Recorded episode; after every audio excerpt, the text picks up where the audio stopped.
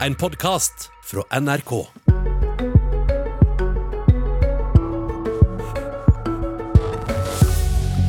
Valgnatta i USA er en thriller. Trump gjør det langt bedre enn venta, men Biden har ei knapp leding.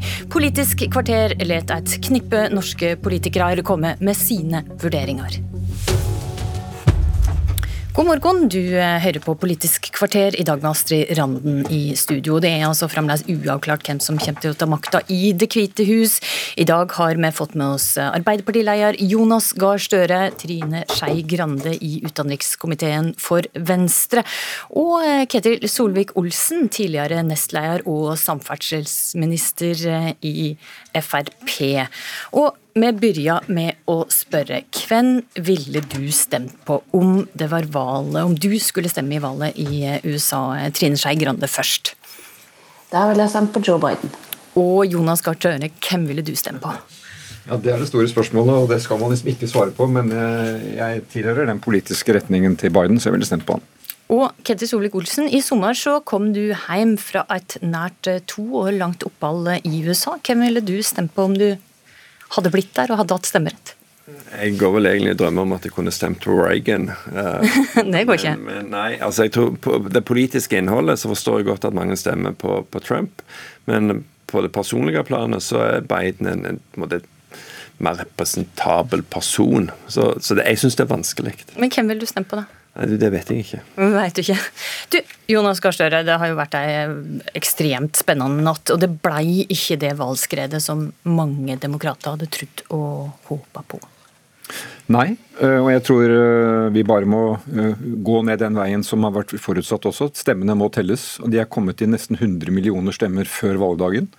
Så om de er poststemmer eller forhåndsstemmer, så skal de telles. Der har statene ulik praksis, og vi er nede til disse vippestatene der oppe i nord som kommer til å avgjøre. Så det, det blir jevnt og spennende. Har noe av det samme mønsteret som i 2016, men Trump gjør det bedre enn forutsatt i forhold til målingene, men innenfor marginen av hva målingene sa. Og det blir de statene som avgjør også i år. Mm. Trine Skei Grande, du har ikke sovet så godt i natt? Nei, det, det. jeg har hatt bedre netter, jeg innrømmer det. Du, de fleste, uansett side, er samde om at USA hadde trengt en president med et tydelig, eller tydeligere mandat for hele landet. Hva blir konsekvensen, slik du ser det, at det er så jevnt? Nei, Det gir jo en større grunn til at vi kan fortsatt håpe på at Biden vinner, som holdt nå faktisk en tale i morgentimene våre som handler om et man skulle roe seg ned, vente til alt var talt. Mens det da kom en Twitter-melding fra Trump om at valget var sterkt.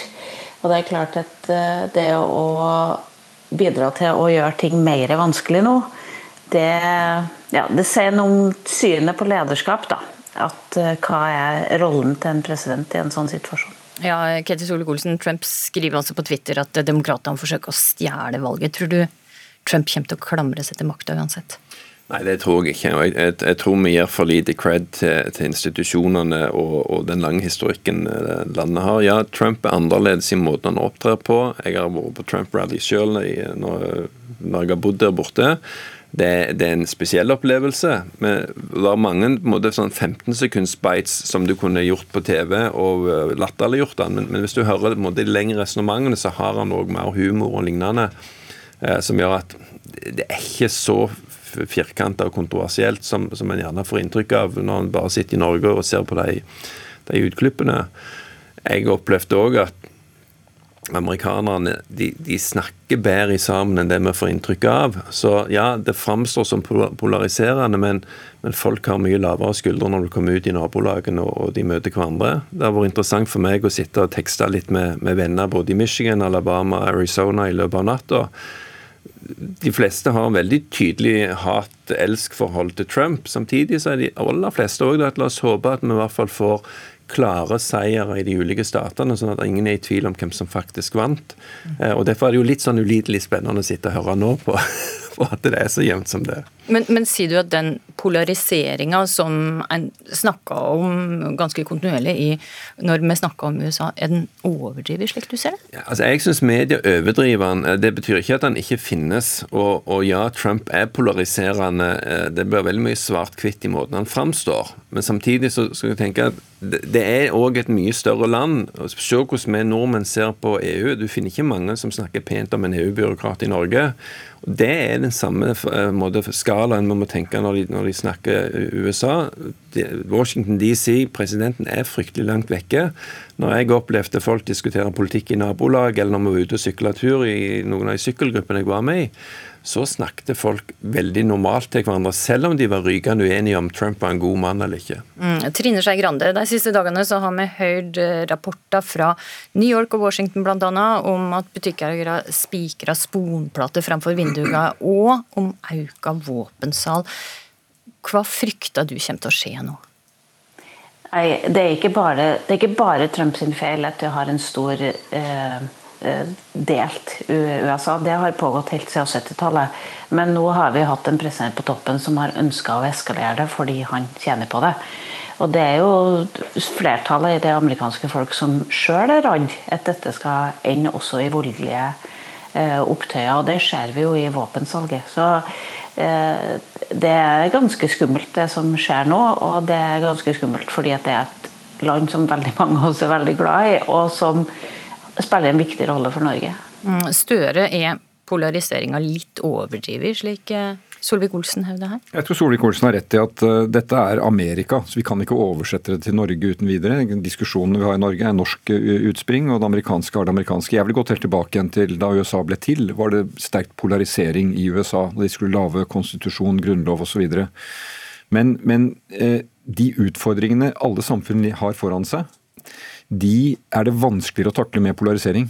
Med stor splittelse. For det er store ting som skal skje på teknologi, nye jobber, omstilling i samfunnet. Og der har jo USA de siste årene gått fra å være liksom den amerikanske drømmen om sosial mobilitet, alle kan komme opp. Det skjer ikke nå. Det er mange dyktige mennesker som eh, holdes nede fordi du har en polarisering mellom fattig og rik. Og det politiske det syns jeg er noe nytt interessant som vi hører nå. at Før så var det sånn ja, folk fra ulike raser giftet seg ikke, men nå er det eh, folk fra ulike partier synes familien syns det er vanskelig at de går sammen. Uh, og um, det, det, det, mener jeg er et uh, urovekkende tegn som også veldig mye av de trendene som går i, i Vesten, kommer jo fra USA, så vi skal følge med på det i Norge også. Uh, om, det, om, dette er trekk som også kan nå helt til oss. Men om Biden klare å dra i land en siger. Tror du han vil klare å gjøre noe med denne, den auka polariseringen? Den er jo der, og den har begynt før Trump, så det tror jeg er viktig å, å, å, se for seg. Og Uansett hvem som vinner, så har du to kandidater med veldig ulik budskap, veldig ulik visjon, veldig ulik framferd, og de deler nasjonen nesten i to. Og så tenker jeg at Et system med to store partier, som de har hatt der fra starten, hvor godt egnet er det for å fange opp meningen i et mangfoldig land? Og Noen ganger så sier vi i Norge at vi har for mange partier, eh, men jeg tenker noen ganger vi skal takke for at vi har partier som har historier som, som, som iallfall de fleste i Norge kan føle seg, kjenne seg igjen i. og Du får ikke den opplevelsen at du er satt helt på utsiden. og Det er det veldig mange i USA som føler. De snakker ikke for oss. Jeg er enig i mye av det som, som eh, Støre her sier. Jeg, jeg tror jeg tror ikke vi nødvendigvis trenger å ha ni partier for å klare å få fram mangfold i et samfunn, men at amerikanerne kunne hatt godt av å være en to. Altså Det å i hvert fall være fire, det vil gjøre at ingen parti alene vil ha et flertall. og Det tvinger deg til å måtte snakke sammen og respektere eh, at eh, det er andre, andre synspunkt. Eh, og, altså, jeg tror Polarisering på grasrota er ikke så splittende som vi får inntrykk av, selv om, om folk er uenige. Men, men, polariseringen i toppolitikken, den er absolutt der. Og det tror jeg er gjerne hovedutfordringen. At en ikke stoler på motparten, at en hele veien prøver å skape en slags fiendebilde, mer enn at vi, jo, vi er uenige, men allikevel finner, finner, sammen. Så man samtidig sier at de har jo klart å inngå kompromiss på budsjettsida, selv om eh, den offentlige debatten mellom ledende politikere på hver side ofte blir veldig sånn mistenkeliggjørende. Du, vi må snakke litt om hva som står på spill for oss i Norge. Og jeg retta først spørsmålet til det, Trine Skei Grande. Hva står på spill for oss? Nei, Det som står på spill for oss som et lite land, er at eh, vi trenger internasjonale avtaler. Vi trenger internasjonalt samarbeid. Og nå kan vi få en president som syns handelsavtale er bra, WTO-deltakelse er bra. Eh, som syns at eh, vi skal ha et sterkt Nato, så vi skal samarbeide. Den ikke stiller spørsmål til det. Det er det som er det viktige for Norge som nasjon. At vi trenger en president som syns internasjonalt samarbeid er viktig og bra. Støre, vi har hatt en eh, president i USA i fire år som har ønska å svekke internasjonalt samarbeid, som Trine Skei Grande eh, sier her, og hatt et litt utradisjonelt forhold til mange institusjoner. Om han får fortsette, hva blir eh, konsekvensen da? Det er så to sider ved det. Norge har et forhold til USA som alliert. Handel, kultur, lang historie. Det mener jeg skal fortsette. Og Norge må være flinke til fortsatt å kunne forholde seg til et USA med ulike presidenter. Jeg husker fra min tid som utenriksminister hadde vi Bush-administrasjon og Obama-administrasjon. Litt mindre polarisert, men selv det var jo da også ganske kraftig kost i forhold til hva man var vant til. Det håndterte vi. Det må vi fortsette med.